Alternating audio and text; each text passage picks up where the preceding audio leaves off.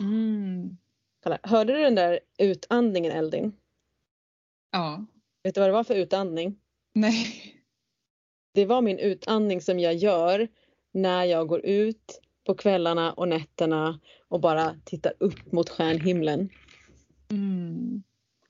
Alltså det är liksom som att jag tänker inte på det längre. Jag försökte bara efterlikna det nu för att du skulle förstå hur när jag går ut och så gör jag den där kroppen bara gör en utandning och så riktas min blick upp mot mina vänner uppe i himlen. Ja. Ja men det här är ju verkligen, det är ju liksom den tiden när det, för att det är så mörkt så ser vi ju stjärnorna så mycket mer än vad vi gör annars liksom och eh, mycket tidigare på dagen liksom, än andra tider på året. De blir så närvarande och jag gick faktiskt ut häromdagen, jag har så här overall när jag är ute och går med min hund och så gick jag ut och så bara la jag mig ner på marken och bara låg i liksom mörkret och stängde av min handlampa och bara låg i, liksom, rakt ner på marken och bara tittade upp i stjärnhimlen. Det är så himla bra med overall för då kan man göra det. Jag har fortfarande inte skaffat en skoteroverall. Mm. Dock har jag köpt en ny mantel, tyvärr. Ja, just det, vi har ju haft den här diskussionen om vad är en pr- prästinne-outfit? Mantel eller overall? Men eh, det kommer, det kommer, det kommer. Jag tänker att jag är så kort liksom så att eh, skoteroverallerna är för långa. Men alltså, det, går, det finns inget sätt att vara värdig och snygg i en overall. liksom. Det är sant. Men nej, och barnoverallerna där är lite för mycket curves för att det inte ska vara skönt. Ja, ja. ja okej. Varför pratar vi så mycket om stjärnor då? Herregud, alltså, man blir ju besatt i och för sig. Den här Men alltså den, den här tiden på året, om vi liksom följer vårt årshjul så är det ju liksom tiden som är kopplad till eh, luftens element. Och, Mm. och då liksom, i luftens element så är ju också då himlen, alltså Mm. rymden, den, liksom, det utrymme som allting, alla andra element finns i liksom, på något sätt. Och, och där finns ju stjärnorna. Och de urgamla är det ju Mm. väldigt mycket också. Liksom. Det, alltså jag vet inte, jag tänker att stjärnorna på något sätt är så här, känns som att de är väldigt liksom, eh, lite kidnappade av new age på något sätt. De pratar om så här star seeds och det är mycket liksom astro och sådär. Eh, men varför då egentligen? Liksom? Det är väl lika mycket naturen, lika mycket liksom. Ja, alltså det är nog för att de är light liksom. De är ljus Mm. Ja. Men Men det, de är ju också badass, typ så bara stora jävla nebulosor och så här, de bara exploderar och Ja. helt så här brinner liksom.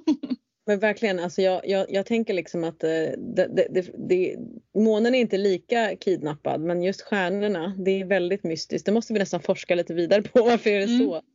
Men alltså jag såg en otrolig eh, mind-blowing inlägg på Facebook där de hade liksom ett teleskop hade fotat liksom så var jorden och sen så solen och sen så månen och Venus och så hade den liksom fotat liksom hela tiden utifrån jordens storlek. Allting utgick från jorden och så såg man liksom olika planeternas storlekar.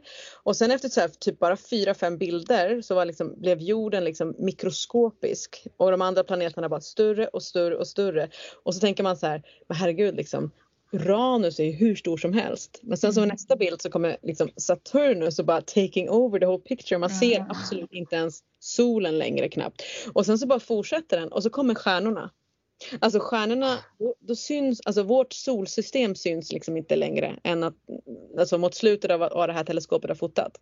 Det är liksom helt andra galaxies och vi, ingenting, inte ens Saturnus finns. Alltså det var så, så mindblowing att kolla på hur otroligt, otroligt stor, stor rymden är och hur stora stjärnorna är.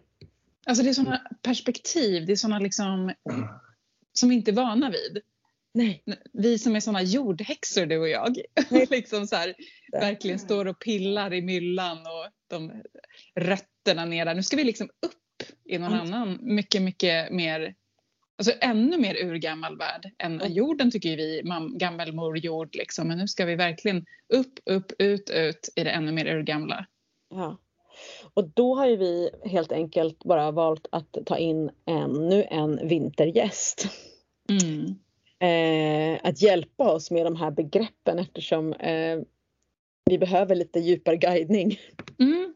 Och Eh. förhoppningsvis liksom få, ja, men verkligen få lite djupare guidning bortom den här ytliga liksom, Mm. kanske new ageiga Ja. versionen av stjärnorna. och sen är det ju också så att det passar ju liksom vi, vi sa ju i förra avsnittet liksom att den här tiden på året också passar väldigt bra att, att jobba med just att, att se, att sia, clairvoyance, stjärnskådning, tarot mm. och så vidare. Så det passar väldigt, mm. väldigt bra att prata lite om astrologi. Ja. Mm. Och vi har bjudit in en vän, vi har bjudit in en astrolog, häxa och sjuksköterska. Eh, ingen mindre än Amy som står bakom kontona Life of a Witchman och eh, podcasten Astrovado med ett Instagramkonto som också heter så. Så uh, take us away Amy.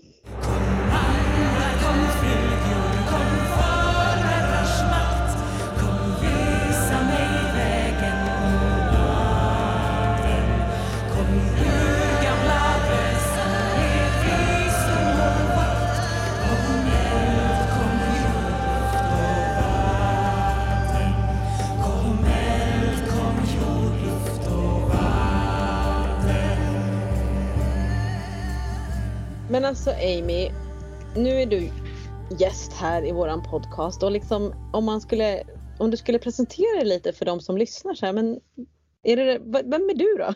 Mm, vem är jag? Vem är den här eh, liksom en liten, litet torn uppe på ett berg och studerar stjärnorna dagarna i ända.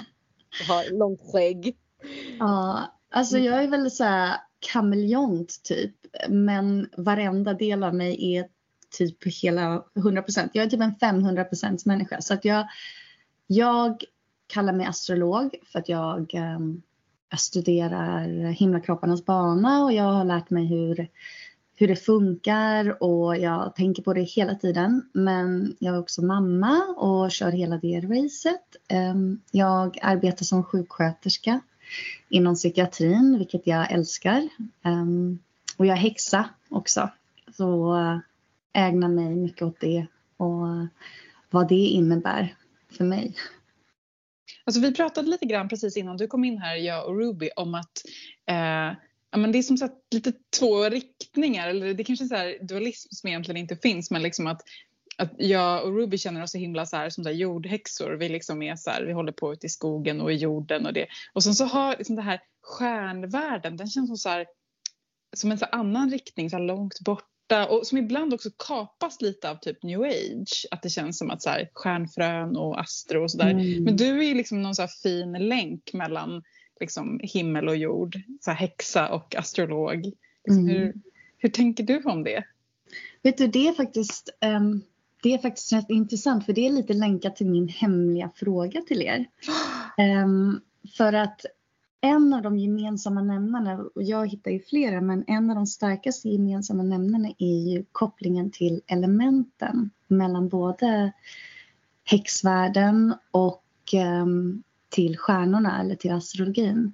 Mm. Min hemliga fråga är faktiskt till er om just det här med elementen. Vilket element är ert magiska element? Den, där ni känner att ja, men min kraft, min magiska kraft, det är utifrån det här elementet. Mm. Wow, vilken bra fråga! Väldigt bra. Uh. Jag började tänka direkt på vad eldins element var. istället för Eldin. Nej, jag tänkte faktiskt jag tänkte faktiskt på vatten. Ja, men alltså jag har alltid identifierat mig jättestarkt med vattnet. Eh, och sen så hade jag någon sån liksom initiering i mitt liv där jag där, jag liksom, där elden kom. Och jag, också, jag började jobba jättemycket med gudinnan Brigid och jag liksom har dedikerat mig till henne. Och hon är ju en eldgudinna. Liksom. Och att det var... Alltså jag, jag ser det som att jag liksom alltid står med vattnet skvalpande runt mina fötter. Liksom. Men att, som att så här, det har liksom, jag har gett plats åt elden och liksom jobbar med eldmagin. Um, så, så, äh, men eld och vatten är också någon slags fin balans tänker jag. Det är liksom så här, äh, ja, lite varandras liksom, ja, det är någon slags motpol där. Så jag, men jag tror att jag ändå skulle säga eld just nu i mitt liv. Men det kanske så förändras, eller det gör ju det mm. också. Men jag tänker, eh, det var kul att du sa sådär med motpolerna för jag känner att jag är jord och luft.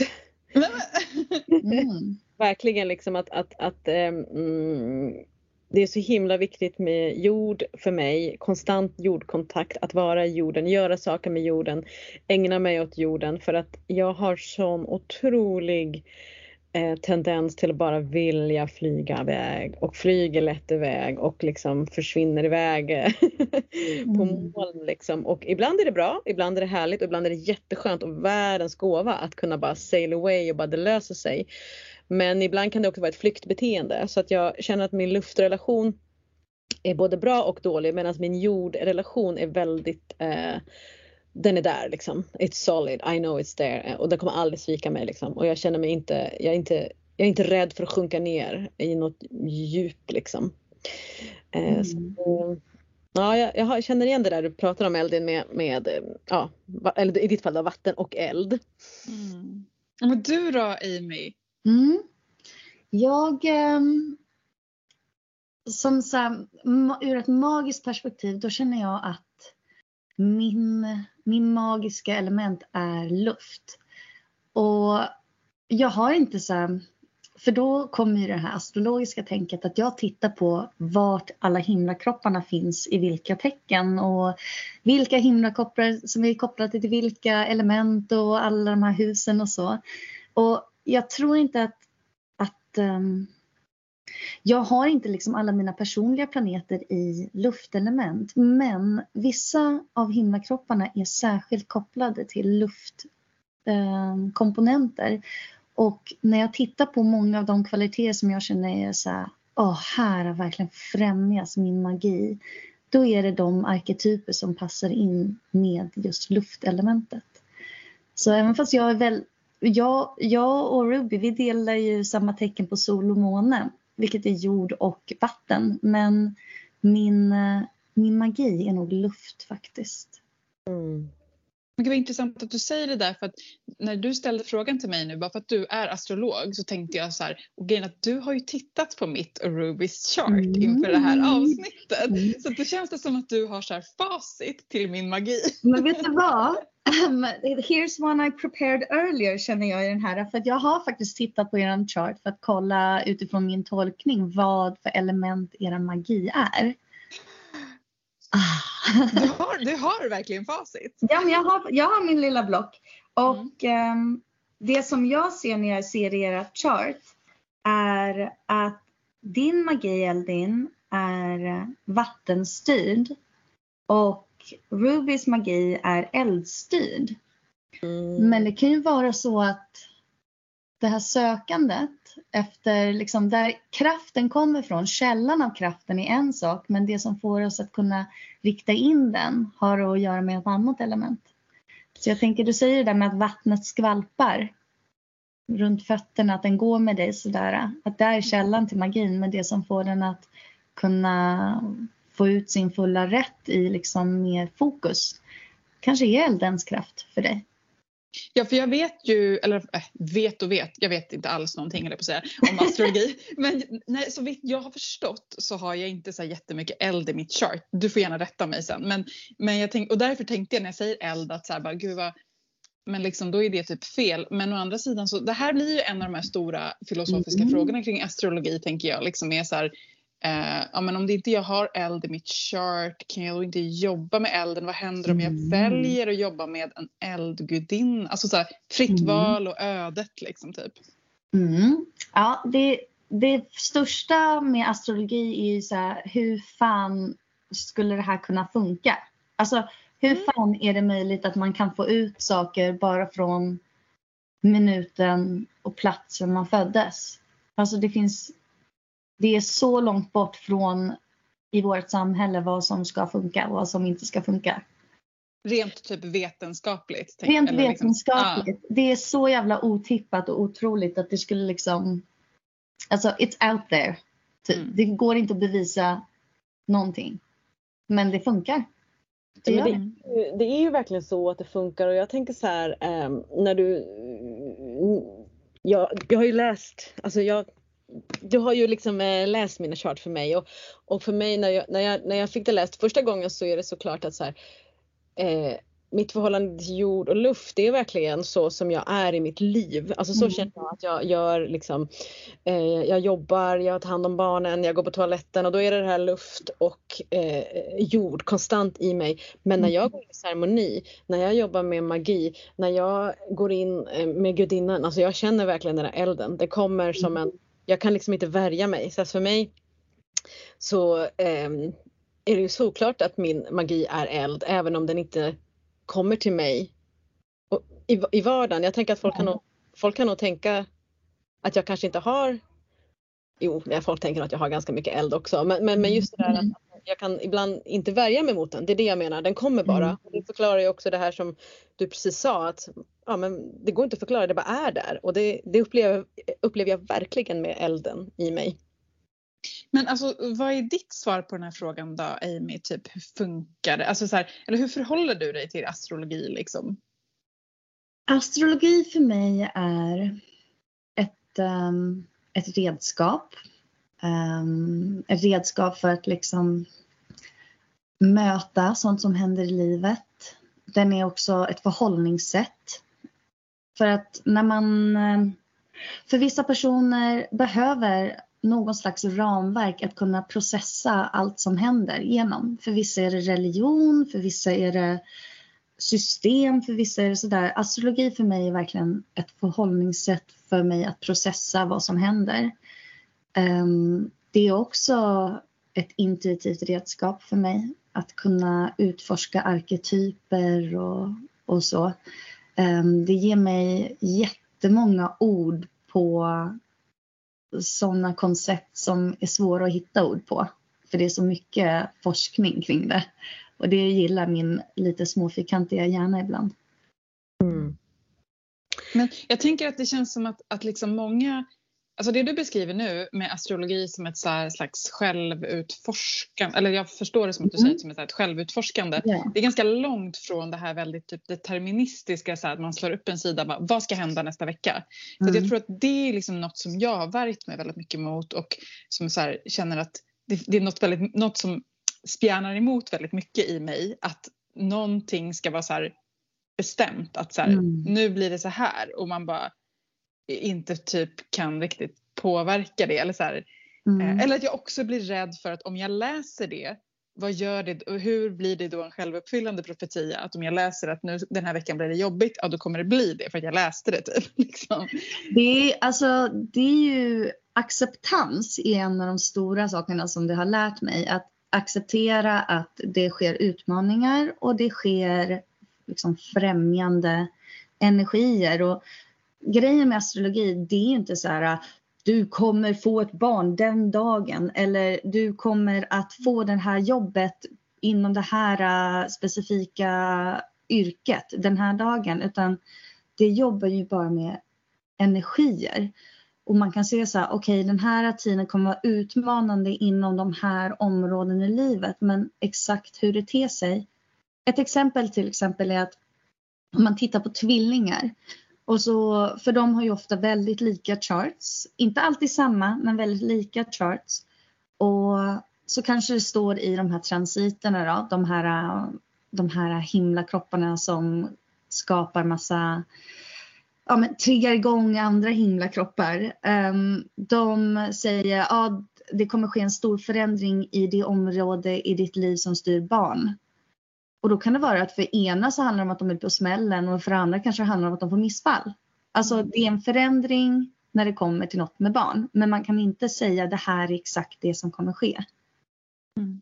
Så att, men det är acceptans. Det är acceptans för att ibland så kommer det någonting och man vet om att det ska vara och man måste bara acceptera att det kommer oavsett om man vet vad det är eller inte.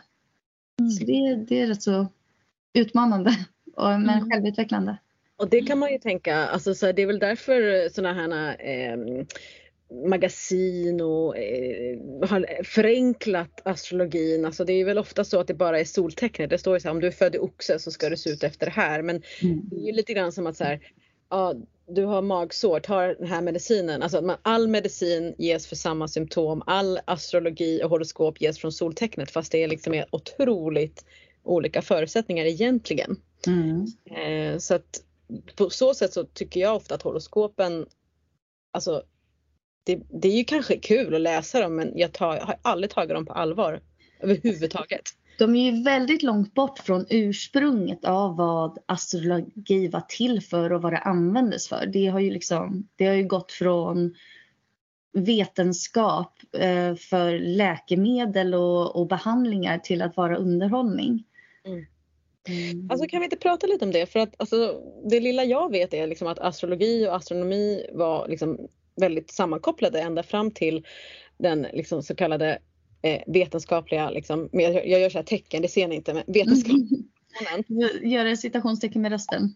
Precis, exakt, liksom att den här nya världsbilden då där rationella objektiva naturfilosofin kommer in och ja men du vet är allting att kvinnan är dålig, hon är för vild och örter är dåliga, naturen ska tämjas och den kan vi skövla och folk ska mm. bli upplysta och en viss religion ska styra allt och då tänker jag att där ryker ju astrologin också. Mm. Där den ju gå från att vara vetenskap till att bli pseudovetenskap eller skrattad åt, eller har jag fel? Mm. Nej men det, det stämmer, stämmer helt och hållet. Det, var ju liksom, det blev ju ett skifte där, där om det inte går att bevisa så är det inte sant. Eller så är det liksom inte fungerande eller giltigt. Um, så astrologi har ju, alltså efter att den blev typ ja, men pseudovetenskap och inte riktigt värderad så blev det ju någonting som används av psykologer ibland. Um, men då är det då är det inte landstingspsykologer utan då, då är det som ett verktyg för samtal. Um, men det var ju så att det började med när, när astrologi och astronomi var väldigt nära sammankopplat. Alltså det här var ju, alltså, tu, astrologi är ju tusentals år gammalt. Det finns en bit ben som har hittats som är 35 000 år gammalt som har då alltså månkalendern inristad och dess faser på. Så redan där så studerades ju himlakropparnas bana och så, för att se hur det påverkade människan och händelser och så. Och det här har ju följt med i medicin på alla möjliga sätt för att varenda himlakropp som studeras kring är ju kopplad till en specifik del av kroppen. Det är också kopplat till specifika örter, specifika metaller, ädelstenar, färger, djur, liksom allt det där äh, har sina associationer kopplade till de specifika himlakropparna. Så, så det, liksom, det var ju en period där läkare, om en person kom till dem med sjukdomstillstånd, då gjorde de en chart för den sjukdomen för att hitta behandlingen och hur lång tid det skulle ta för den här personen att bli frisk. De satte örter i marken för specifika liksom, celestial events um, för att de skulle få en särskild sorts effekt. Mm. Det, det har ju liksom... Astrologin har varit redskap för helande väldigt länge men sen så blev det underhållning för att det gick inte att bevisa tillräckligt mycket. Nej. Alltså det här som du säger med örterna, det har jag ju läst väldigt mycket om och bland annat liksom så här eh, på riktigt verkligen att så här att, att eh, genom att veta växtens birth chart eller när den liksom, hur den vandrar, hur den växer, dess, dess existens på jorden, så är den också länkad ihop med olika planeter. Men att det verkligen kan vara så här att, jag menar, Amy, Eldin, ni har liksom slemhosta. Jag ger liksom salvia till er båda och på grund av er kroppskonstitution men också på grund av er liksom er, er, er, er birth chart och växtens birth chart så kan mm. ni liksom bli olika då, botad eller helad. Liksom att elden kanske funkar jättebra med salvian för det löser upp hennes slem medan du Amy har en, behöver en helt annan eh, ört och då genom att istället för att då testa en massa örter på dig som du måste ta i din kropp så bara går man igenom astrologin och tar fram mm. en som då ska för samma symptom. Det tycker, alltså jag läste det första gången liksom, med alkemi och örter och himlakropparna. Bara, det här är så smart. Mm. Ja men det, det är liksom Du pratar ju om så här, örterna, hur de talar till oss och örternas magi och liksom, jag ser det ju som ja, men, energierna som de bär med sig. Att det är energierna som är ja, men de kommunicerar till oss genom läkning och utmanar oss och, och så precis som ja, men himlakropparna. Så att både Mm. örterna och himlakropparna besitter de här arketyperna som finns.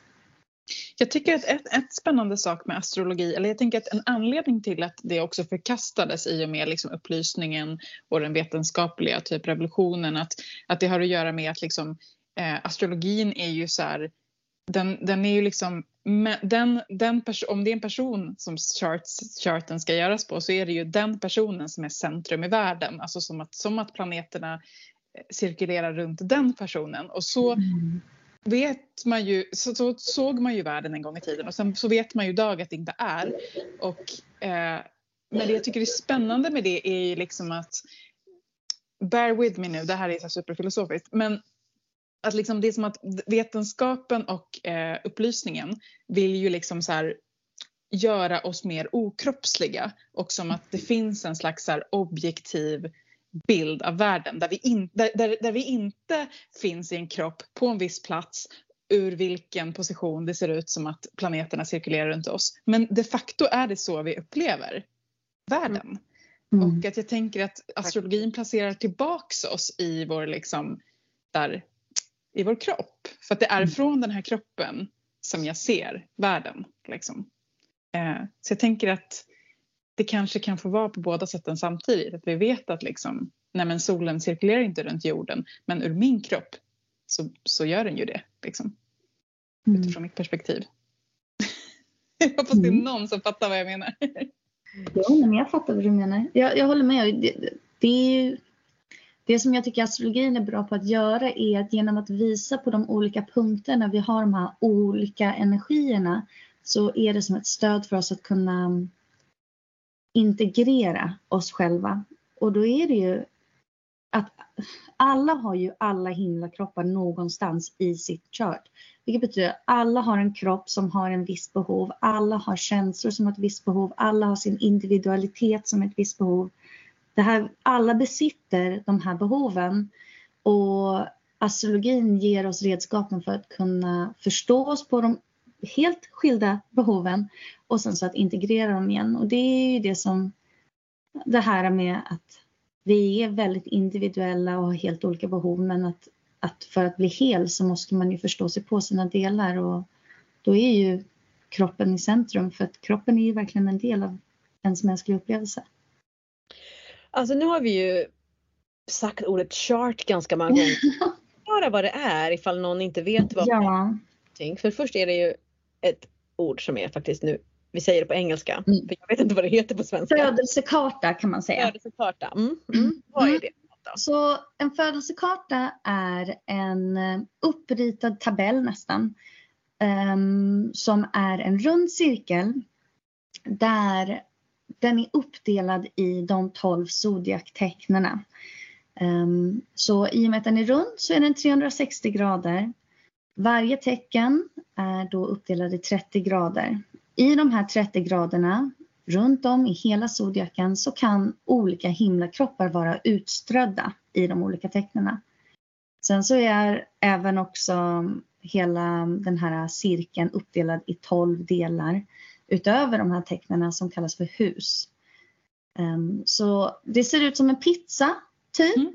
Ehm, I mitten på, zodiac- eh, på charten, på födelsekartan så är det en cirkel och det är jorden. För astrologin utgår från att jorden är universums centrum. Eh, för att astrologin kom ju långt innan man förstod att solen var centrum. Men från jordens sätt så, så ser de här himlakropparna ut på det här viset. Och alla de här himlakropparna då, de rör sig i helt olika fart. Så det är därför det kan vara väldigt, väldigt olika mellan olika människors födelsekartor. Bara om man är född några dagar efter varandra. Um, en av de viktigaste delarna är ju ascendenten också och den kan man bara få reda på om man vet minuten man är född eftersom den byter grad var fjärde minut. Just det, och ascendenten är ju inte en himlakropp. Vad, vad är ascendenten? Ascendenten är den punkten som den östra horisonten, eller det tecknet den östra horisonten stod i minuten man föddes. Så det är som en tänkt punkt på Precis. himlen. Liksom. Så att om liksom man tänker på hur planeten roterar och vart den östra horisonten skulle då vara, i vilket tecken baserat på den här zodiaken. Det är då det är och den flyttar sig jättefort helt enkelt. Eh, var fjärde minut ja, eh, byter den grad. Så det är till exempel när jag säger att tvillingar inte behöver ha exakt samma. För att om de, om de till exempel är födda tio minuter emellan, då kan den ena ha sin ascendent i ett tecken och sen så på tio minuter så har ascendenten hunnit gå över till ett annat tecken till den andra personen. Och ascendenten visar ju dels på hur vi upplevs av andra, väldigt förenklat. Ehm, men också så i nästan alla hussystem så visar det också vart första huset börjar. Och eh, beroende på vart husen ligger så kan det påverka en människa på olika sätt. Mm. Ah, det är så mycket. Du vet, jag, jag, jag, jag fick, eh, fick den här förklarat för av, av en, eh, en annan astrolog som heter Stina Gray som gjorde, gjorde, läste mitt horoskop eh, för länge sedan. Hon gjorde det som i en sagoform. Men det var väldigt kul att, och då sa hon till mig att så här, jag bara gud det är så många hus. Hon bara, men du kan också se din födelsekarta, ditt birth chart som ditt liksom bara ett och samma hus. Och så, så förklarar hon liksom typ så här att Ja men exakt som du sa nu det här med eh, ascendenten är liksom, tänk att det är din, det är liksom, this is your entrance to yourself. Mm. Så det här är liksom kanske vad folk ser och kanske också vad du eh, vill liksom eller vad du tycker om att visa upp eller vad du också väljer att visa upp liksom. Och sen så vad som sen finns inne i det här huset, det kan du inte riktigt styra över. Mm. Mm -hmm. Det tyckte jag var ganska, jag tyckte det var ganska nice att tänka att alltså det blir lite problem med mig då eftersom jag typ har en ganska så här eh, ascendenten som är i våg och eh, är liksom en ganska trevlig social. Eh, så här nice och så har jag soltecken i oxe som gillar beauty och nice och så här. Och sen precis då i, i mitt chart så kan man se, du får väl säga om jag minns fel här nu Amy, men mm. precis då när man har kommit in i mitt hus som är ganska mysigt och härligt, då är liksom Pluto typ så här, i hallen och bara mm. Vem är du? Vad håller du på med? Vem är här? Har du ärligt uppsåt? Alltså jag vet inte om jag litar på dig. Jag bara så här sanningssägaren mm. som är liksom så att folk kan bli lite så här. Jag har fått tona ner den där Pluto-kraften. Alltså ja. jag var väldigt dålig på small talk när jag var yngre. Jag bara så här. Ja men vad tycker du om döden? Man bara hej, sitter på en krog och pratar två minuter. Ja det är just det där. Det är en, en, ehm, en ökad intensitet skulle man kunna säga. Men också så här, väldigt sexuell och, och vara, mm, inte rädas tabubelagda ämnen och sådär.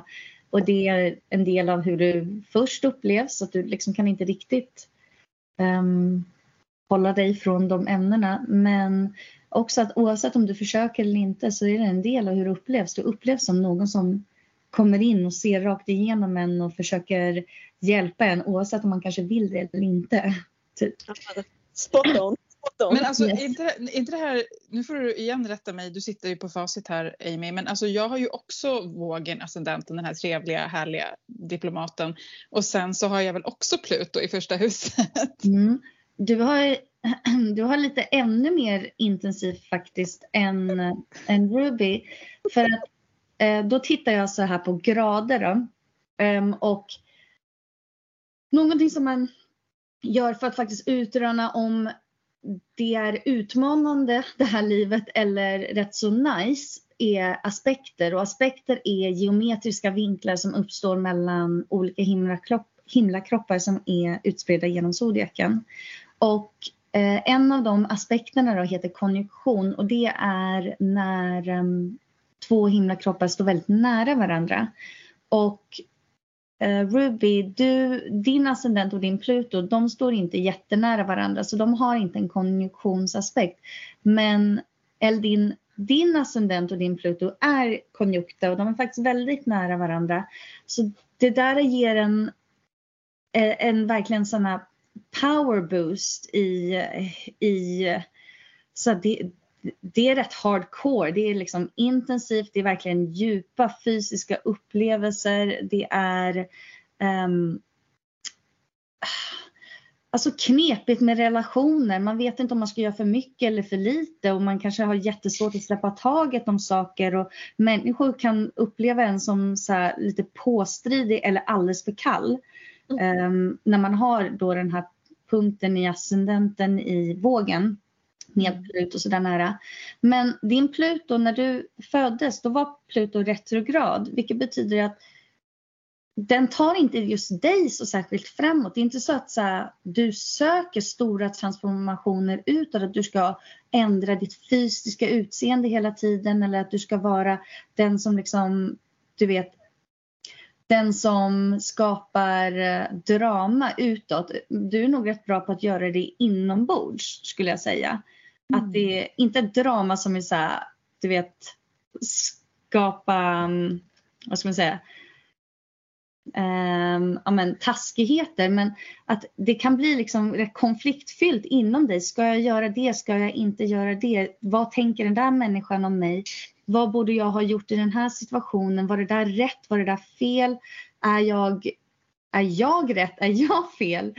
Det, det, det, det är där vågens, så här, att vågens velighet där också eller? Ja precis.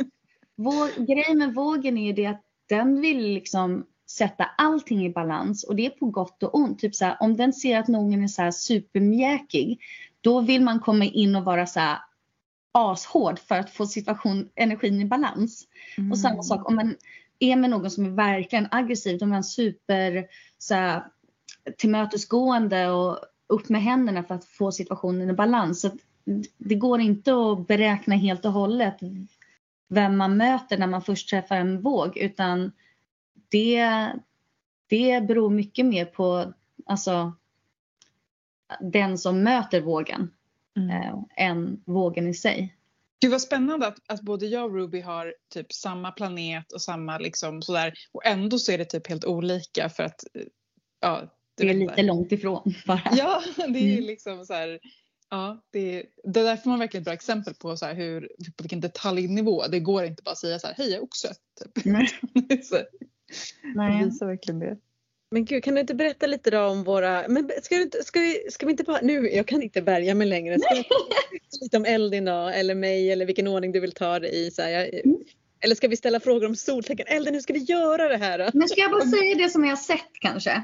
Ja, ja, ja. Eller? Jo. Och så jag kan jag förklara jag... lite samtidigt hur jag såg det så att folk inte bara se, behöver lyssna på när jag typ eh, gör eran reading utan eh, kanske lära folk lite hur fan jag kommer fram till som jag kommer ja, fram precis, till. Det är det jag tänker så här, det, liksom, det här är ju, jag menar, vem som helst kan ju gå online och bara få en lång lista på vad man har saker i. Det kan ju alla nu som sitter och undrar göra.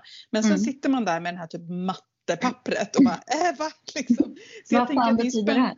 Ja, så det är spännande liksom, så här, hur tar du dig an det här liksom, som mm. häxa och astrolog. Liksom. Så take it away Amy, yes. gör din grej. Får jag bara mm. säga en sak innan bara för att jag tycker ja. det här är intressant. Det är nämligen så att eh, Eldin och Amy har ju, ni har ju liksom aldrig träffats. Ni känner ju inte varandra. Mm. Utan, men jag och Amy känner varandra och det är det jag tycker också är väldigt coolt nu när man får lyssna på det här att, att man kan få ut så mycket information fast ni två ens aldrig har varit i samma rum. Mm.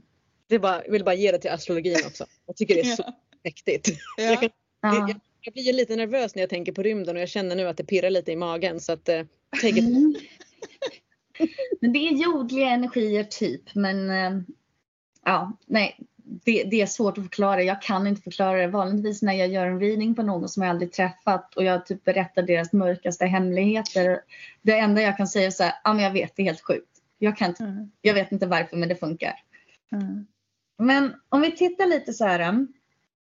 Eldin. I din chart så har du eh, någonting som heter en grand trine. Eh, en grand trine är ett aspektmönster. Eh, vad det här konkret innebär är att du har himlakroppar som är i nära grad till varandra i alla tre tecken av samma element och i ditt fall så är det i eh, vattenelementet. Du har faktiskt väldigt många av dina himlakroppar som är påverkade i den här Grand Trine vilket gör att um, Alltså det här är typ det som styr ditt liv nästan. För att varje gång det sker en transit vad det innebär är, om jag gör en liten avstickare för att förklara, är att när vi föds, då är det som en snapshot av var himlakropparna stod i zodiaken ögonblicket vi föddes. Men alla de här himlakropparna de fortsätter ju sin bana runt om i zodiaken. Och varje gång som... För vi har ju de här geometriska vinklarna, de här aspekterna bara i vår födelsekarta. Men de här himlakropparna som fortsätter sin bana, de skapar också aspekter med varandra men också med himlakropparna i vår födelsekarta. Och det är det som man tittar på när man tittar på ja, men, saker som kan ske framöver, energier som uppstår. Men eh, i och med att du har så många himlakroppar aktiverade i den här Grand Trine så betyder det att varje gång du har en transit som påverkar någon av himlakropparna i Grand Trine så kommer eh, du påverkas av på alla de här himlakropparna. Mm. Um, det är i vatten och när jag tittar på en chart och ser det här då tittar jag dels på tecknet, dels på vilka himlakroppar det är och vilket hus det är. Så om man tittar på det så här. Tolkningen sker av att man gör en mashup av alla dessa olika energier. Så om man tänker Cluedo typ, då är himlakroppen är, ehm, är ehm, vapnet. Tecknet är personen och huset är rummet som man är i. Så vissa himlakroppar, de känner sig Alltså de känner sig ashemma i särskilda hus och i särskilda tecken.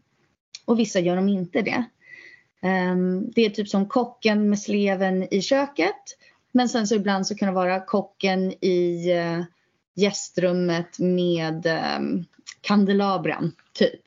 Alltså jag dör vilken pedagogisk metafor. Vad har du i din chart som gör dig till en sån iber Det är en väldigt smidig grej. Liksom, vad har jag i min chart? Jag har um, Merkurius i sjätte huset som är väldigt pe pedagogiskt och i uh, oxen. För att, att ha Merkurius i oxen ska ge en en väldigt lugn och uh, behaglig röst. Um, och sen så sjätte huset är jungfruns och Merkurius hus. Så att det är kommunikation och det är att utröna saker och vara konkret och så mm. analytisk. Så jag det... tror att det är det som jag tror är min, min grej. och så har jag Saturnus i första. Ja, det, det är massa. Men den här stora Grand Trine i alla fall. Vad den gör är att dels så har du månen i kräftan, eh, vilket är dess hemmatecken.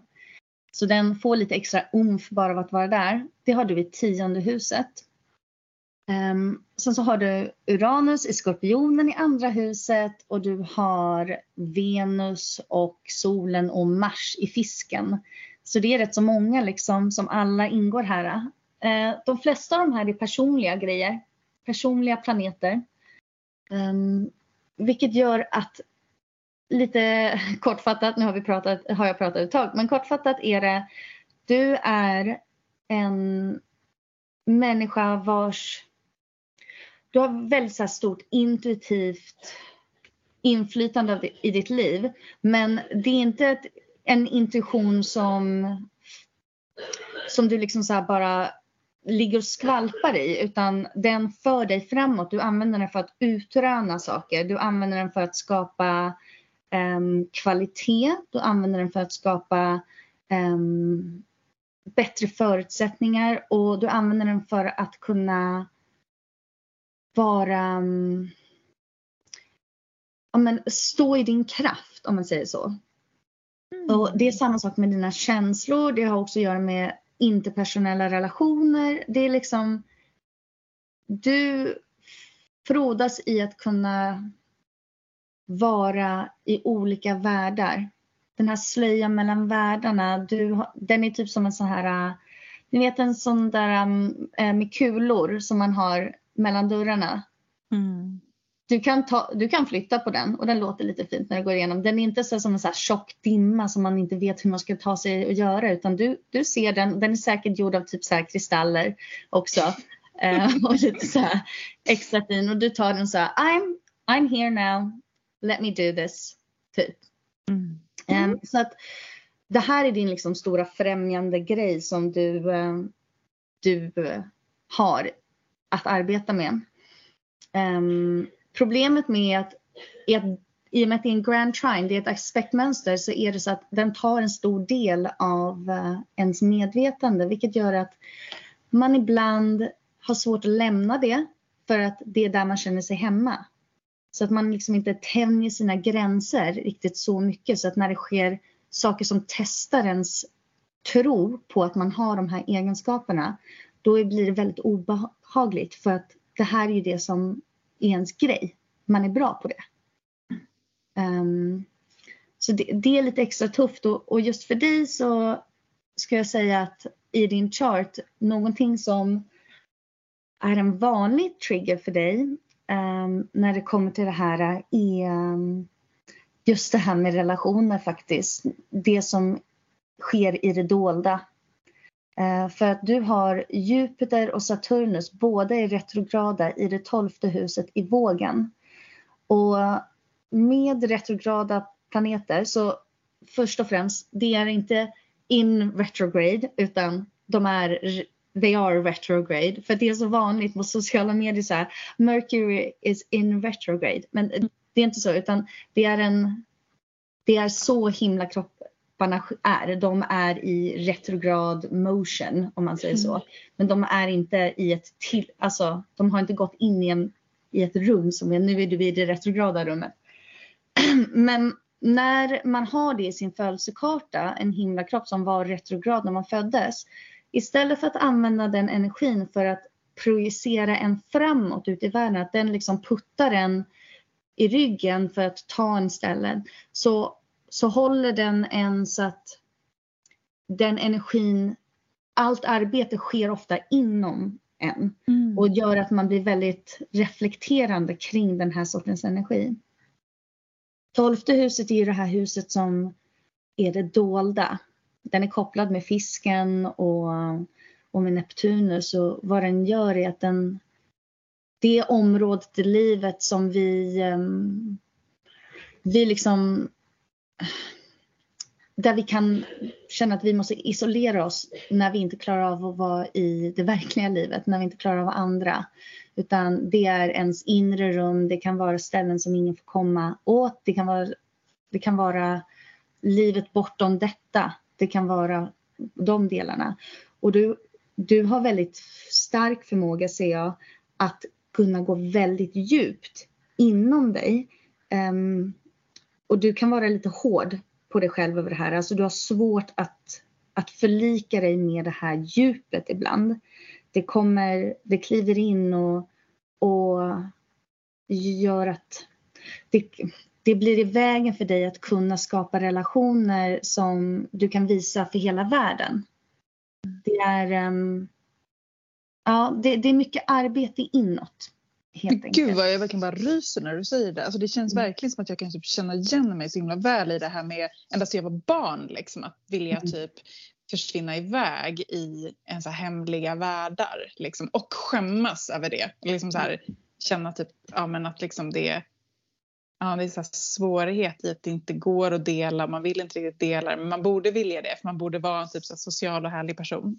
Mm. Mm. Ja så här, vågperson som bara Exakt. I'm gonna please everyone. Typ. Och det är så sjukt för att det, det, var, det är lite av den här uh, ditt dolda jag för att även fast du utifrån upplevs som någon som så här, verkligen bara typ kan vara jättesocial och så. Så inåt så kämpar du mycket med det här att får man synas? Får man verkligen synas helt och hållet? Åh gud vad du, det här är läskigt, det är precis som du sa Nej men det är så sjukt! Ja, mm. det, det, är verkligen den här liksom, jag menar, som folk typ alltid ser mig som så här, jag har varit politiker, jag har varit, eller är väl typ artist och så här, står på, jag ska jämt liksom på scenen och det är mm. jämt samma så här, vad fan gör jag här liksom? Mm. Och, och typ att jag drar mig tillbaks från det, jag släpper en skiva och sen bara no, nu är det slut. liksom. mm. ja. Ja, så det är mina största så här eh, som jag kan se i din födelsekarta. Och jag, ser, jag tittade lite också på vad som kommer hända nästa år. Åh gud vad läskigt! Men vi behöver inte ta det. Du kan kanske bara vänta och se på vad som händer. Om du känner att det är Nu, lite... nu tänker jag att det är något hemskt som du har sett. Ja, men varför är det alltid så att man automatiskt går dit? Att så här, Så, så är ju folk alltid med mig. Jag, är ju mer så här, jag gör ju mycket tarot med folk och då är det alltid så att folk bara Åh nej, jag vill inte veta. Mm. ja. Ja. Men vi, jag kan bara säga så här. Äh. Jag ska inte gå in på det exakt. Um, jag kan säga att när jag tittar på vad som kommer ske, då tittar jag på transiterna. Men jag använder mig också av någonting som heter en efemedris. Det är inte ett lätt ord att säga. Men i den så ser man bara graderna genom året, var de olika himlakropparna kommer gå. Då så kan man kolla i den här och titta på de graderna man har sina natala, alltså sina födelse placeringar.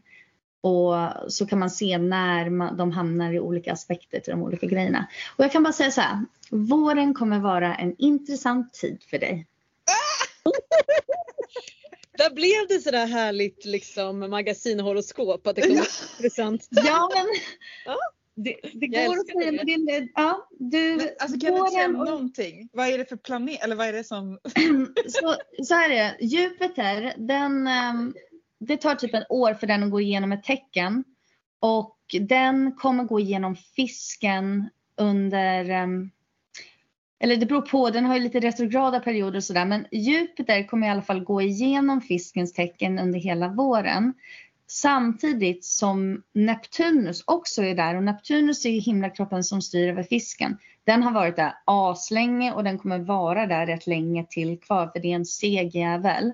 Men Jupiter kom, kommer ju gå över Neptunus i fisken där och det kommer liksom bli en hardcore tid av um, och det här är inte enbart på dig utan för alla.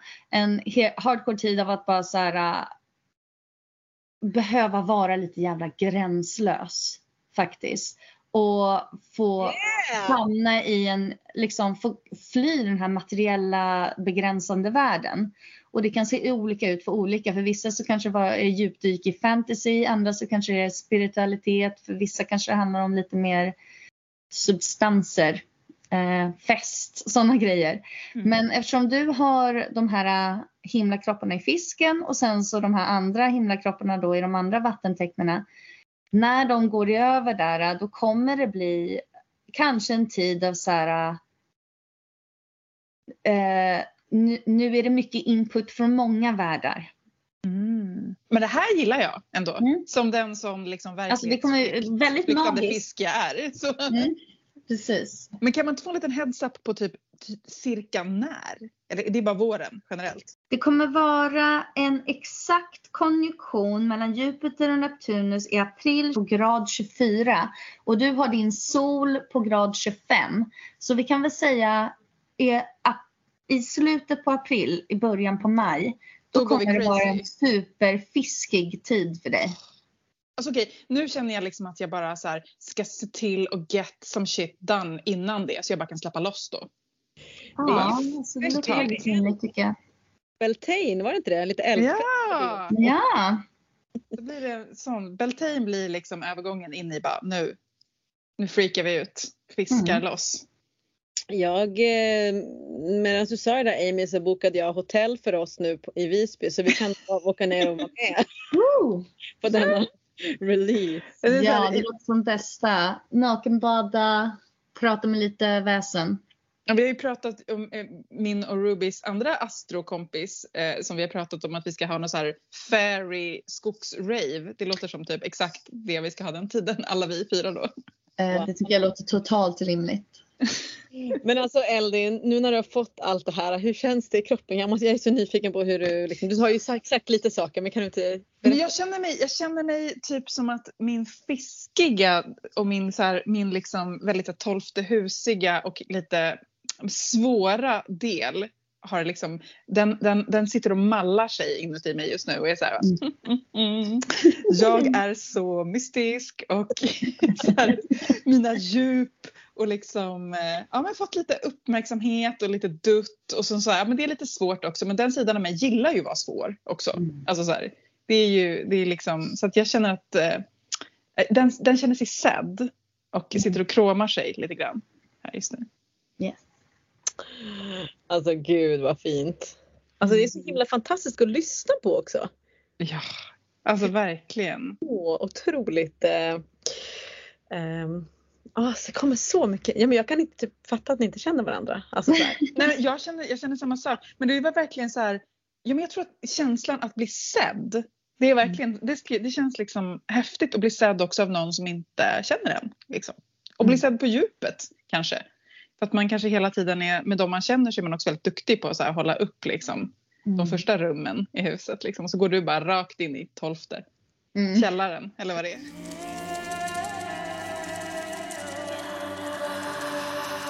Ja men få höra, höra vad du sett om Ruby då. Ja, precis. Ska vi kolla lite här då?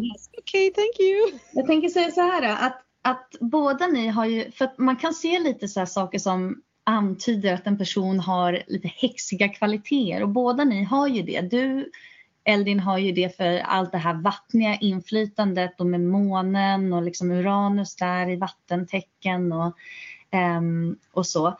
Och eh, Ruby, du har ju att solen och månen är i opposition vilket betyder att du är född under en fullmåne. Ja. Vilket är lite extra häxigt också. Och sen så har ju vi tidigare faktiskt pratat om det här med noderna. Ehm, med ehm, i eh, tolfte huset och med inflytande av jungfrun som personligen, alltså de flesta säger att kräftan är det mest häxiga tecknet men jag tycker nog nästan att jungfrun är det häxigaste tecknet. Hon är ju liksom alkemisten. Jag tänker här, nu måste du förklara kan de här nåderna också kanske. Den här Ja, handlingen, för det kanske inte alla vet. Ehm, nej. Också förklara varför jungfrun är så häxigt tecken. Mm. Spännande. Så med, ehm, med noderna, um, det, det är punkter faktiskt egentligen. Det är på punkter på månens bana. Ehm, och de här punkterna visar på när, ehm, vad som är meningen med det här livet. Så noderna de, de bekräftar ju det här att astrologin går lite hand i hand med reinkarnation. Ehm, och då är det så att den norra noden visar på vad som är poängen med det här livet och södra noden som alltid är mitt emot, exakt mitt emot norra noden, den visar på hur vårt förra liv var. Det livet vi hade innan vi kom hit och Det tycker jag är så Nämligen. Det var därför jag bad dig berätta om det. yes. Så alla Mm. går ut nu och kollar upp sina noder. Ja precis, Alla- alla kolla pausar, vad fan är det meningen att jag ska ta mig till i det här jävla livet? Ja. Varför var det viktigt att jag kom till jorden just nu? Vad ska jag lära mig? Ehm, Men varför jungfrun är det häxigaste tecknet för mig är Jungfrun har lite av så här dåligt rykte, typ att vara så här, men, anal och kontrollerande och inte rolig och bara liksom så här, den måste ha saker på sitt sätt. Men jag ser det som, ehm, det är ett väldigt omvårdande tecken men den vill få resultat från den här omvårdande energin. Den är också kopplad ihop med hälsa. Så att till exempel så här, läkare, sjuksköterskor, fysioterapeuter, det är liksom det är jungfrutecken. Vilket i mitt huvud kopplas så himla mycket till häxan, den här helaren. Um, och just att det är ett jordtecken och ett föränderligt tecken vilket betyder att transformera våra yttre omständigheter för att de ska fungera bättre. Ehm, och jungfrun kan inte hjälpa att de råkar ha rätt hela tiden. Det är inte deras fel. Vänta, var det så i och med att du har jungfrun i någon betydelse? Nej, jag är inte jungfrun någonstans faktiskt. Okej. Ehm, Det här, det här gillade jag mycket. Vad har jag med jungfrun att göra nu då? Du har ju din true i Jungfrun. Och det som var så intressant var ju att du har ju true i Jungfrun i tolfte huset. Ehm, och Jungfrun i oppositionstecken till fisken, alltså mittemot i zodiaken.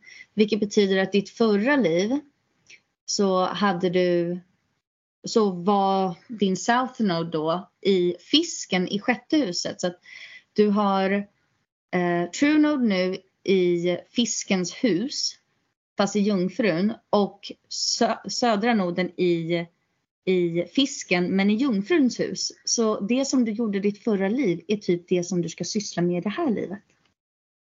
Ja, det här är så intressant. Mm. Det är som ett förverkligande att du måste skifta från att gå från att bara fördjupa dig i hur du ska läka folk till att läka folk i de andra sfärerna. Det är från att gå från den väldigt fysiska upplevelsen till den väldigt uh, eteriska upplevelsen snarare. lite lite prästin... prästin mm. Och jag, alltså, min känsla är att det har funnits prästinneskap i tidigare liv också. Det är den bilden jag får. Det vet jag genom andra grejer jag har gjort att det har funnits i tidigare liv. Liksom. Mm. Det, det, när jag fick de här noderna lästa för mig så var jag så här, ja ja okej, okay. mm. fortsätter vi då. Makes sense. Wow. Men om vi tittar här då på din chart lite grann Ruby vad jag kan se. Och då så, som bara en liten snabb upprepning. Jag mashar ihop massa energier och försöker då med hjälp av intuition se hur, hur de passar ihop. Liksom. För att det är så mycket information som man får, eller alltså egentligen man får ju sjukt lite information. Man ser bara massa symboler utspridda på en, på en cirkel liksom. Men varenda av de här olika symbolerna bär med sig ett eget bibliotek av specifika associationer. Och mitt jobb då är att utröna hur de här specifika associationerna um, passar in med varandra. Och det är väldigt svårt att göra utan intuitivt arbete har jag märkt. Om jag bara tittar på himlakroppen i det tecknet, i det huset, då, då, finns det så många stora möjligheter och mitt sätt att smalna av det här är att följa vad som kommer till mig att det här handlar om. Så stor del av min liksom, astrologiska praktik är ju att försöka få in så många associationer som möjligt för att vidga mitt bibliotek så att min intuition kan vara ännu mer specifik när det kommer till de här olika readingsarna. Readingsarna, så engelskan. eh, läsningarna, readings.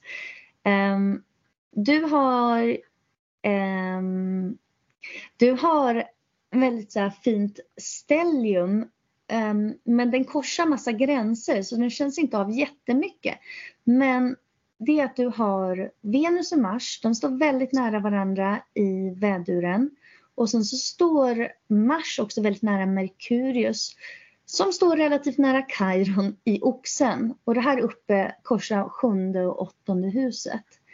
Um, så att den här lilla klumpen den påverkar väldigt många delar av ditt liv faktiskt. Den skapar, den skapar triagon till Neptunus, den skapar um, den skapar, um, ska vi se där, sextil, nej, kvadratur till Jupiter. Vilket är olika aspekter som jag pratar om. De här är lite mer utmanande kvalitet. Du har den här um, fantastiska sättet att um, Alltså det är forsa vill jag säga. Det är forsa där. Det är passion, det är eh, intention och det är sökandet efter liksom att fan hitta det som funkar faktiskt. För att den här oxkvaliteten, den är ju där, men det som är ännu mer där är det här sökandet efter att göra det som är rätt. Liksom. Mm. Det som är rätt och bäst för att du har en opposition mellan solen och månen men också mellan solen och Uranus som är retrograd. Och vad det innebär för dig är ju det här um, för mycket eller för lite. ska jag tänka på alla eller ska jag bara tänka på mig? Ska jag korsa människors gränser för deras skull eller ska jag skita i vad deras gränser är så att det liksom så att jag kan um, hjälpa. Alltså nu sa jag samma sak men det är verkligen den, den energin. du känner att du har ett behov av att få folk att känna sig hållna men du vill inte att de ska känna sig um, fast. Liksom. Det, det är en utveckling en stor del av din upplevelse här på jorden. Utveckling utifrån ett hållbarhetsperspektiv. Um, och liksom andra människor påverkar din upplevelse på den här världen, eh, alltså i det här livet väldigt mycket. Inte att du anpassar dig efter andra utan att ditt driv är att kunna få alla att kunna lysa oavsett deras förutsättningar. Um, ibland kan du vara lite pushig bara. Och det här är inte min upplevelse från dig utan det är bara från att titta i, i charten. Jo, liksom. men ja. ja. du bara, eh, okej. Okay. Jag bara, nej men jo, jo, ja, ja. ja. Um, och det, det, är liksom en del av den här grejen för att sättet som du ses på utifrån är verkligen som en så här superomvårdande, magisk så här, typ mammafigur åt alla som, som behöver det. Um, och du har det i dig, absolut. Men, och du liksom kan verkligen kommunicera det. Du har en så här, jag ser i din chart, att du har en penetrerande men omvårdande sätt att, um, att uttrycka dig, att tänka, att förhålla dig till andra människor. Och liksom, det får dig att komma framåt. Din röst, din, ditt sätt att, uh, att andas igenom saker. Liksom. Um, men det är det här, uh, du, du har en presence som kan ibland Folk vet inte om de ska följa med dig eller om de ska vara osäkra på dina intentioner. Mm. Vilket är en väldigt, alltså, det, det är lite komplicerat helt enkelt. Det är en utmanande grej i ditt liv att försöka förhålla dig till det. För att din, alltså, det är ju det här att du, du har jättestarka känslor och du har känslor som talar till dig. Jag vet att det här är rätt så då måste det vara rätt. Så att det här är en sån grej som du ofta får checka in i dig själv. Är det rätt bara för att det känns som det skulle kunna vara rätt? Typ. Mm. Hur känner du om allt det här nu Ruby? Jag kan inte andas. Andan i sju minuter. Eh, nej men alltså ja, herregud. Alltså jag tänker så här story of my life lite grann. Eh, det är intressant med den här omvårdnaden grejen för att jag, nu när jag har liksom blivit, ja men nu är jag 42 och nu känner jag att jag har fått den här kommentaren från väldigt många som är yngre. Nej men du är så här, liksom, du tar hand om alla, du ser alla, du är liksom the mother. Och jag är så här, ja det. Jag är så himla liksom hård och ganska kantig och, och, och tycker så här, men, men, men okej, så här, nu, nu gör vi det här äh, och sen så pratar vi äh, så här, att jag liksom um, uh, tycker att det är intressant att jag har blivit någon som kan stå för omvårdnad för jag tycker att det finns människor som är jätteduktiga på det som jag bara så här, ja den här människans knä vill jag gärna lägga mig i. Och det har jag, då har jag tänkt, tänkt att det är omvårdnad men jag har också förstått att mina kvaliteter, det som jag kan ge är också omvårdnad. Eh, men att det inte alltid behöver vara min vision av vad omvårdnad är utan de som kanske känner det med mig känner det mer som en, jag vet inte, hökmamma eller någon som håller space och håller in och, och samlar ihop kanske. Mm. det är som en så här, um, matriark mer än du vet bara bullmamma. Det är typ så. Ja, Eldin, tycker du att jag är en matriark eller en bullmamma? Äh, nej, alltså, jag, jag, känner 100% hela den här äh, forsa liksom, energin och typ eh, jag ser liksom dig på en tron typ, matriarken mm. och liksom eh, ja, det är, det är eld och kraft. Det mm. tycker jag nog absolut. Du kan snacka vilken jord du vill men se dig. Jorden är där för att skapa balansen kanske. Ja, kanske. Ja, nej men, eh, nej, men jag tycker det är jätte, alltså, jag, jag känner väldigt mycket eh, det här med den här vandringen. Det här att, att liksom så här, att, att, för att det är lite läskigt att få det här matriark, tron, att vara liksom, jag är så himla rädd för att, för att bli maktfullkomlig eller sektledare eller liksom Mm, jag är rädd att jag säger någonting och så ska folk tro på mig och ta mina ord för sanning för det är inte det jag vill. Jag vill kanske att de ska lyssna på mig precis som de lyssnar på er och sen så skapa sin egen sanning och jag jag tror att jag är väldigt rädd att den där tronen ska bli fel. Så jag vet inte om det har hänt någonting i tidigare liv eller någonting men, men jag känner väldigt mycket när jag fick den här förklaringen att jag vandrar att aha okej, okay, jag ska göra om och göra annorlunda och inte vara rädd för att sätta mig på den där tronen. Mm. You know. Um, så att ja, tack Amy. Mm, inget fara. Tack. Alltså. Mm. Och vad har du framför dig? Vänta, jag ska bara kolla nu när jag ändå kollat där. Du har ju um, Får jag gå på Fairyfesten eller måste jag vara någon annanstans? Nej, du får absolut gå på Fairyfesten. Alla kan egentligen göra det. Men det som är bra är att, eller alltså du har ju lite liknande för att din måne kommer ju påverkas väldigt mycket av den här Fairyfesten. För att um, Ruby har ju din måne på 27 graden i Skorpionen. Så att det kommer vara väldigt liknande vibes samtidigt. Mm. Mm. Så att Um, ja, så det, det, du får absolut fördjupa dig i the deep waters of Pisces. Det låter så lovande för våren alltså. Gud. Mm. Jag känner att om Eldin är ett leddjur och jag är ett leddjur och vi ska ner i hennes domäner här, fiskens rike, då, då ja, jag kommer bara jag bara följer med liksom. Mm. Ett leddjur? jag tänkte skorpion och kräfta liksom. Ja, men, ja, ja, ja. Att de har små leder. Ja. Okay. stations typ. Ja, de är inte, det, skorpion tycker inte om vatten men jag tänkte om, om, om de alltså, om skorpionen och kräftan är bredvid varandra är de ganska lika. Mm. Ja. De är ju det här, de här vattentecknena. Mm.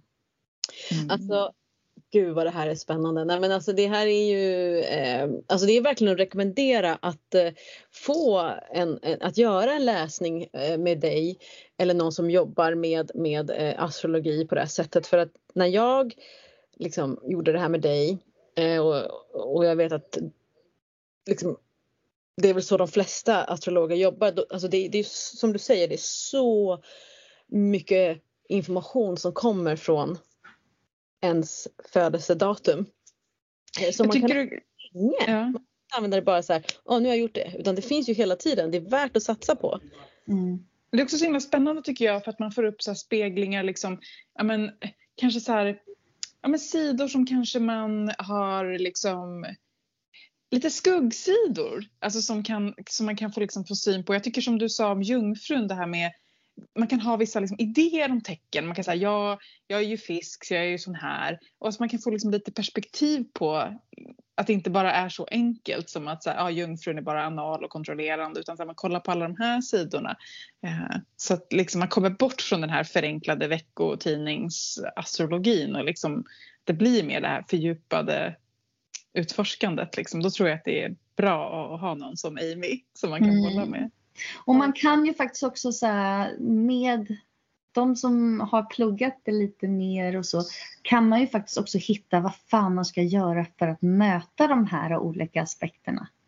Det, mm. det finns också svar på liksom så här, vilken energi måste jag väga upp med eller, eller så. Jag brukar använda rätt mycket intuition för att känna efter vad är det som behöver jobbas med för att kunna liksom hantera den här jävla jobbiga grejen som kanske händer eller hur man ska främja den här eh, lite mer äh, ja, men främjande aspekten, hur man ska låta den få göra sin grej. Um, så att, att träffar man en bra astrolog då kan de inte bara visa en det här äh, områden i ens liv men också visa en hur man ska arbeta med det. Mm. Men du Amy, alltså är, mm. det, är det bra eller dåligt att det finns liksom så här liksom du nämnde någonting eh, att liksom på Instagram kunde det stå liksom Mercury's, Mercury, Mercury retrograde, mm. lite så här släpigt och lite eh, enkelt och de här horoskopen som är väldigt enkla. Skadar det astrologi egentligen? Jag tänker så här, jag tycker om när det står typ när vissa celestial events sker. Men det svåra är när de säger så här, ja det här tecknet kommer må dåligt typ. För att. Vi är ju så otroligt många, alltså vi har ju himlakroppar i hur många tecken som helst. Det är ju det går, alltså om man inte vet exakt vilken himlakropp det handlar om då, då kan man inte få den upplevelsen och man kan sätta galler i huvudet på sig som så här, ja men typ jag såg någon så här, ja ah, men om du är ascendent, oxe, skorpion, eh, lejon eller vattuman, då kommer du ha en jättetuff månad. Och sen så säger de inget mer varför det skulle vara så. Jag tycker det är rätt taskigt för att så det ger verkligen ingen förklaring till vad för slags utmaningar man, man måste liksom möta. För att mitt stora råd när det kommer sådana här stora predictions och, och grejer som man inte får någon backup info är att inte gå in i katastroftänk. Och om man börjar känna av de här olika energierna som kommer med transiten embrace it, även det jobbiga för att om man försöker liksom stå emot det så jäkla hårt då kommer den där himlakroppen, den kommer inte bara säga nej men de vill inte, jag går väl då. Utan den kommer ju trycka på hårdare och hårdare och hårdare till så att man får till sig den jävla lärdomen. Mm. Um, och liksom att jobba sig igenom det. Mm. Det är mitt råd i det. Ja, de är ju jättemycket större än oss. Mm.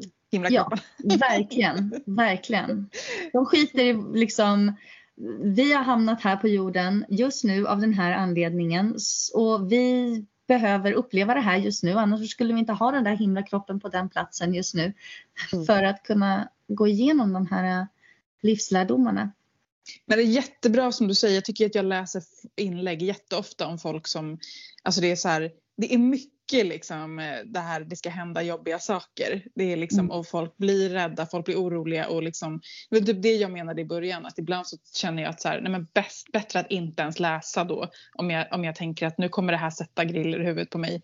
Utan att som du säger, ska man liksom gå in i sånt så är det jättefint att få en lite mer djup förklaring från någon mm. som kan ge det och som kan det är väl på samma sätt som i tarot eller med vilken, liksom, alla de här sakerna. Att, mm. eh, att liksom ja, men, eh, ta hand om det som kommer. Alltså när man, när man liksom öppnar de här dörrarna.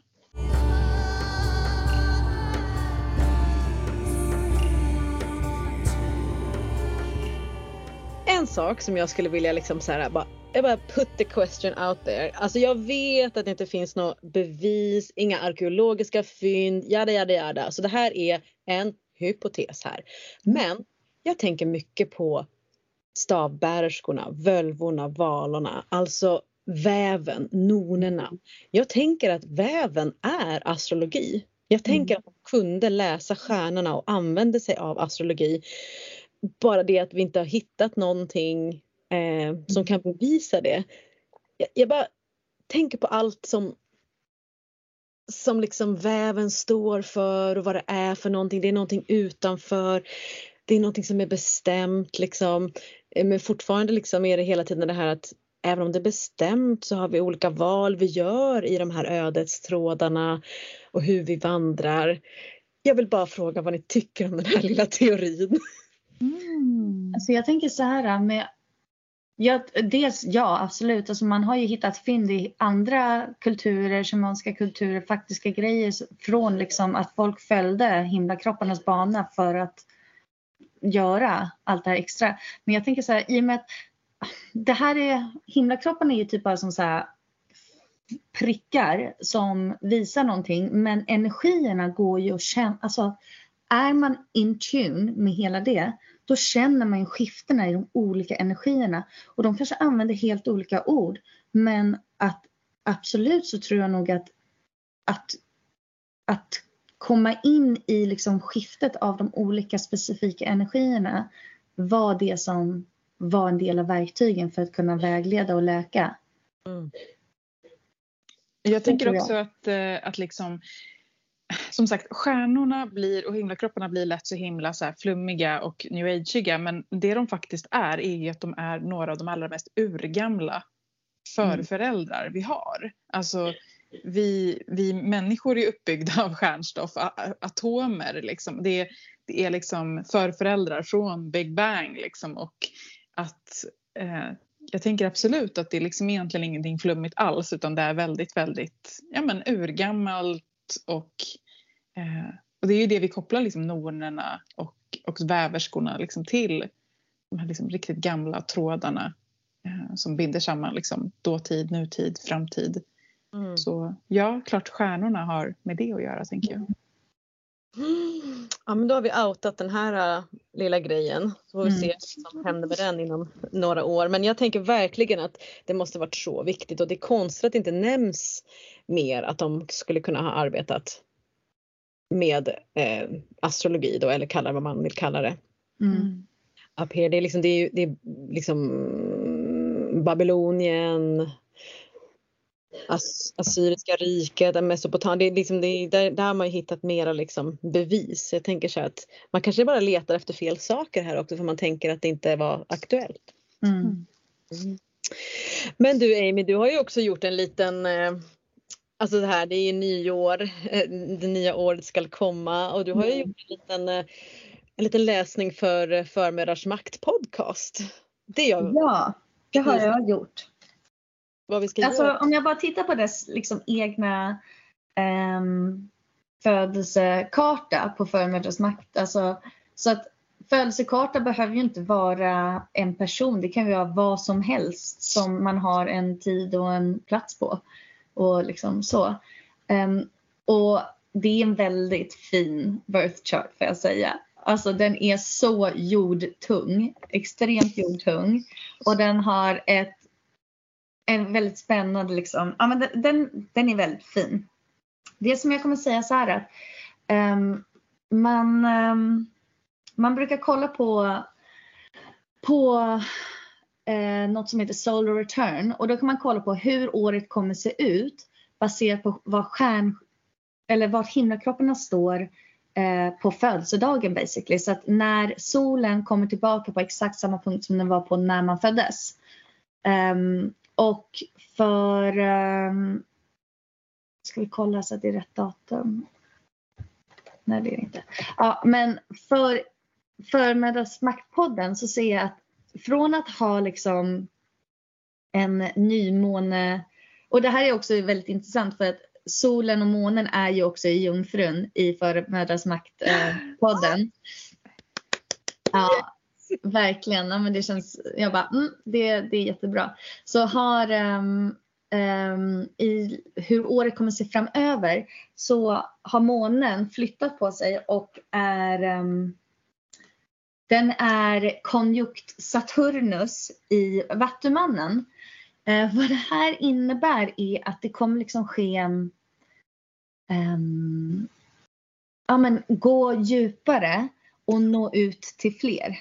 Är det som vad det innebär. För det är uppe i um, uppe i nionde huset vilket är liksom det här sökande, det här um, att expandera väldigt mycket. Och Vattumannen är kopplad till grupper, den är kopplad till informationsöverföring. Saturnus är, upp, eh, är liksom så här, att sätta mål och arbeta för sina mål. Och då som månen då som är den här liksom intuitiva och känslosamma himlakroppen. Så att det, det är en expansionsår eh, år för Förmödrarspodden. Att nå ut till fler och liksom börja pull on those heartstrings. Även om det är lite jobbigt. Typ. Alltså för jag tänker alltid så fort Alltså- någon ens säger ordet Saturnus så blir jag lite såhär, åh nej. vad Ja, jag jobbigt." vet. It's got a bad rep. Um, ja, det, alltså, den är jobbig för den, den eh, får en att känna att man inte liksom någonsin når fram. Men vad den gör är ju att den får en att komma igång och ger en purpose. Alltså den ger en ett syfte. Så här, nu måste vi sätta en intention och vi ska arbeta för att nå den här intentionen. Ehm, så det, den är rätt mäktig. Den är bara jobbig om man inte är villig att göra arbetet. Ja jag tänker det, det är så här mycket typ, det kommer inte gratis liksom. Det är Mm, så här, precis, det är vad Saturnus säger. Ingenting kommer gratis. Vill du ha något så får du fan jobba för det. ja. Nej men alltså Eldin, det här är ju liksom the, the talk of the autumn 2021. Mm. Ja.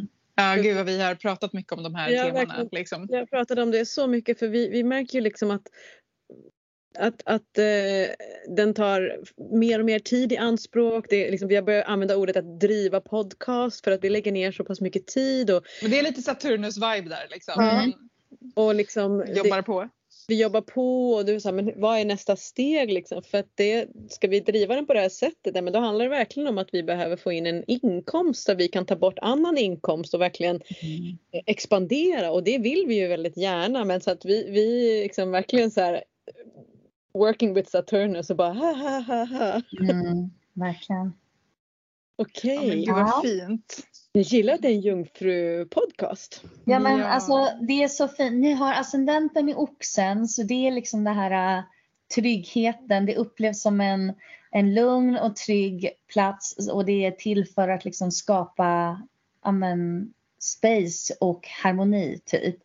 Ehm, men sen så har ni jättemånga grejer, eller jättemånga, ni har fyra stycken grejer i stenbocken och det är ju liksom, och i nionde huset, det är nu nu, vi måste skapa förändring. Det här är till för att skapa förändring. Det här är till för att göra, ge kraft. Liksom. Mm. Det här äh, är inte bara mys utan det här är liksom makt. Men Mm. Förmödrars makt. Ja, gud vad häftigt. Sådana, Eh, det- sådana liksom tecken som jag absolut inte har identifierat mig med liksom, Mm. tidigare.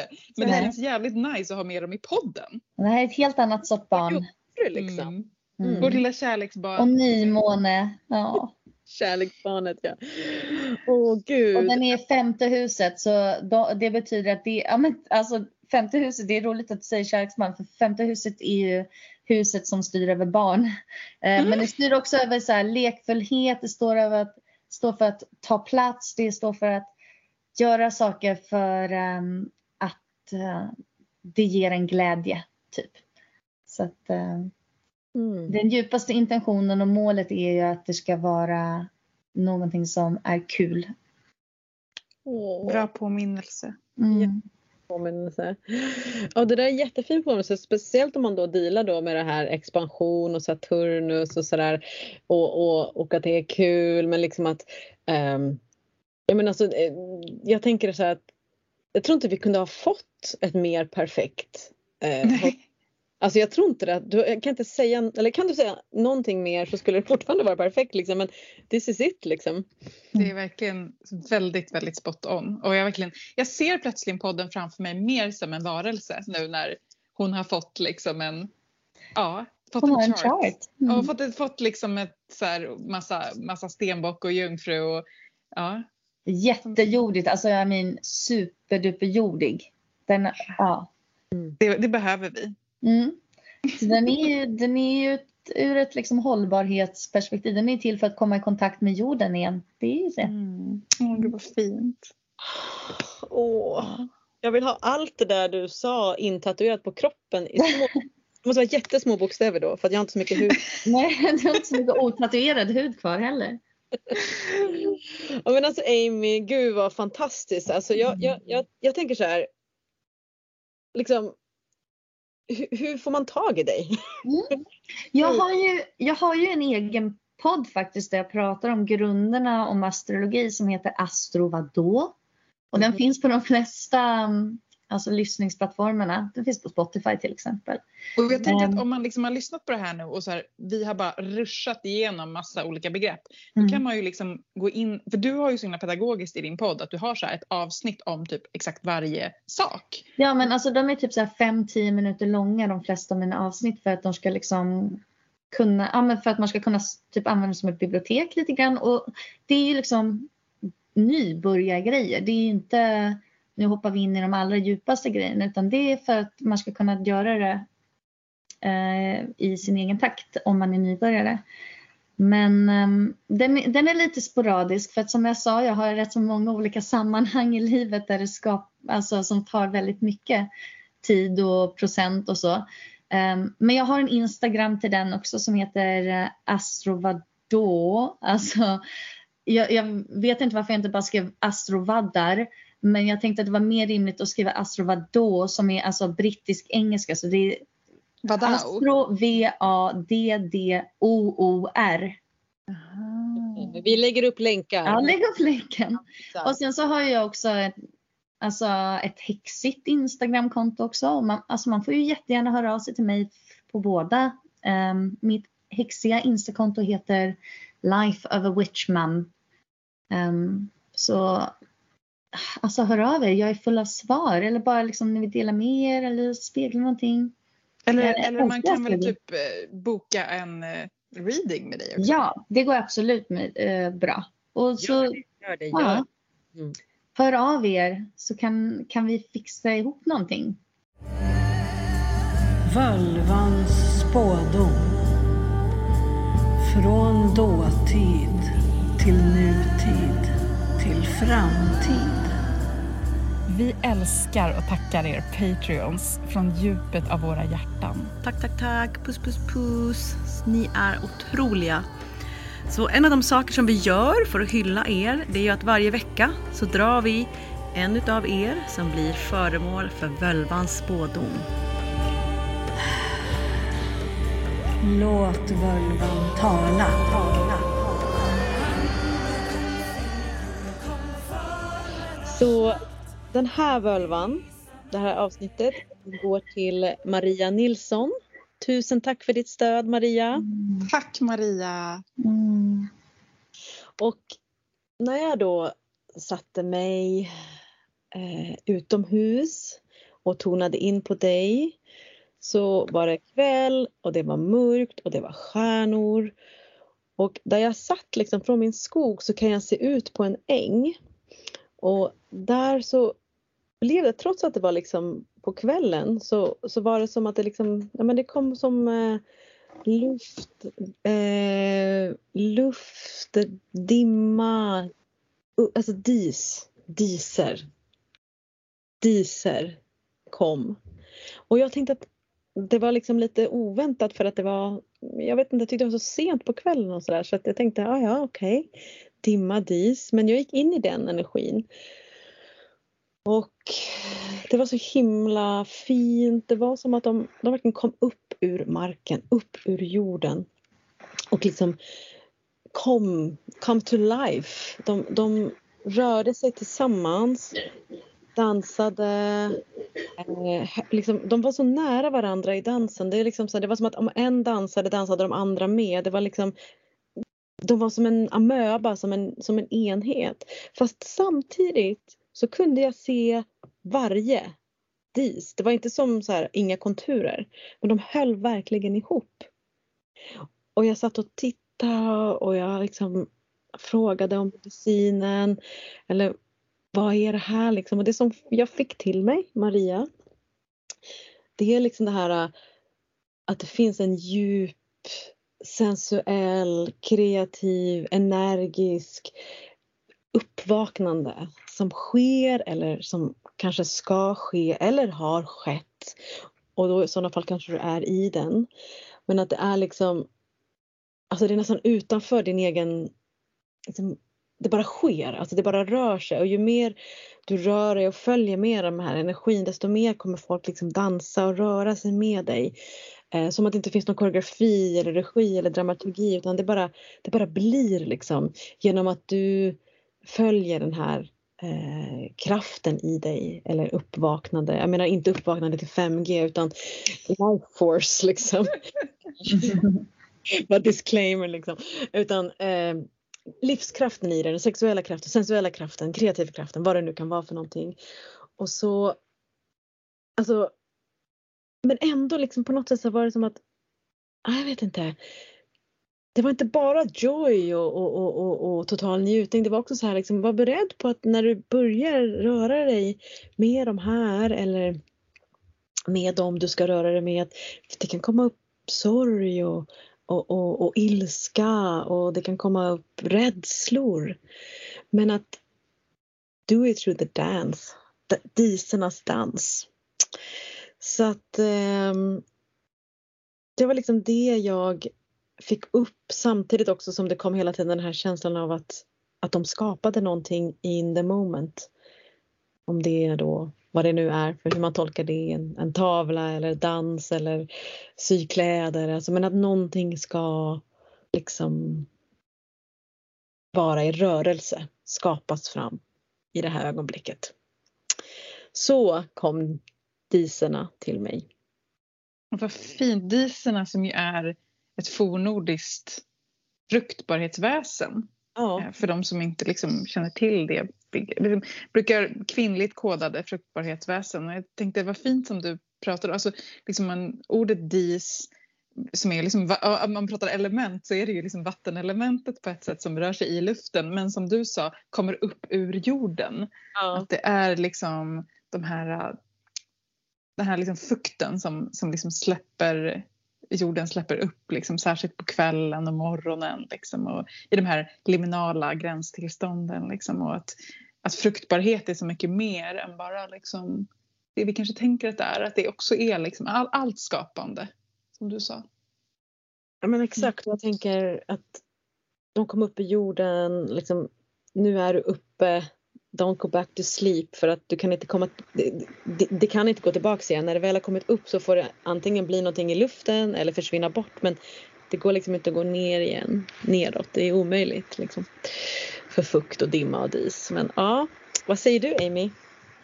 Jag får till mig att um, det finns en så här en vilja att vilja konkretisera känslor um, och, och försöka sätta ord på allting men vissa upplevelser är, är bara magiska.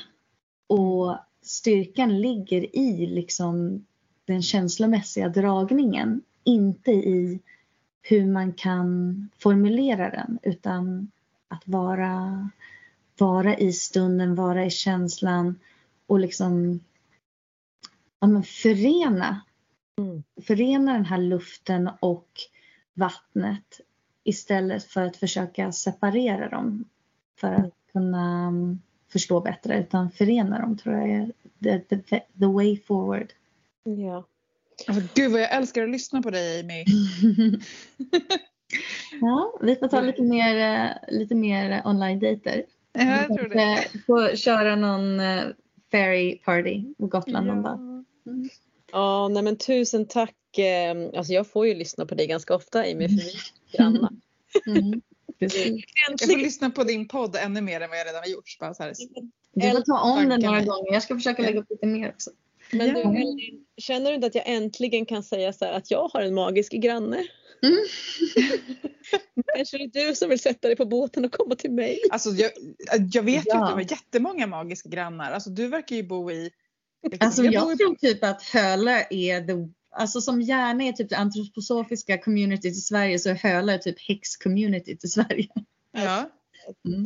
For sure. Alltså Mm. Gotland är ju också liksom häxornas ö, men menar, Gotland är också ganska stort. Det är liksom, jag kan inte påsäga att jag har liksom, eh, någon häxa precis vägg i vägg med mig, liksom, utan jag får ju hoppa in i bilen. Liksom. Så, Så det låter lite magiskt i gränslandet mellan Stockholms län och Sörmlands län finns, Ah. Det är där häxorna häxorna. De bor ju vid gränslandet. Det, Ja typ. men vi är ju några i Gnesta, några i Hölö. Men jag tänker också verkligen så här att eh, Hölö, Höl, Hel, Helsö. Mm. Det, är någonting med, det är någonting med öar också. Ja. Det Mm. är som Avalon, Island of Apples. Så, Mm. Öarna, gränslanden. Och sen Fan vad tänkte vi flummar här. Det är så går det när tre häxor Ja men det blir så, det går inte att undvika. jag bara så här, få ett avslut till dig Maria också för nu flummade vi iväg här och Mm. pratade lite. Men Maria, tusen tack och vad du än tar till dig så bara liksom att lita på din intuition. Det brukar vi säga väldigt ofta men verkligen och, och, och som, som Amy sa också att, att, att omfamna den, eh, dina känslor, dina instinkter, din kropp, eh, din intuition så du verkligen kan ja, verkligen bara ta emot den här diskraften.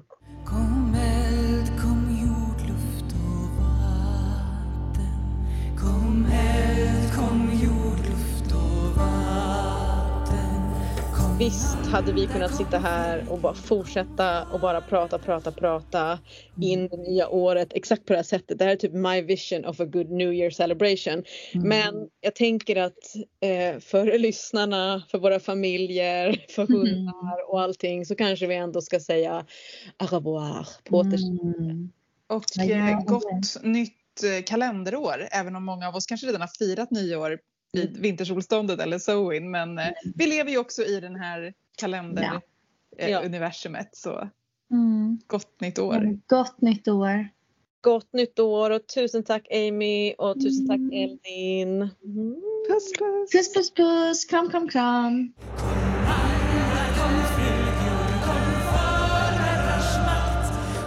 Vill du stödja vår podcast ytterligare så kan du Betygsätta podcasten. Prenumerera på podcasten för att öka vår synlighet. Bli medlem på Patreon så får du dessutom en massa häxiga benefits. Gå in på patreon.com slash formodrarsmakt. Och vill du ta del av ytterligare samtal med likasinnande, bli medlem i Facebookgruppen Förmödrars makt eftersnack.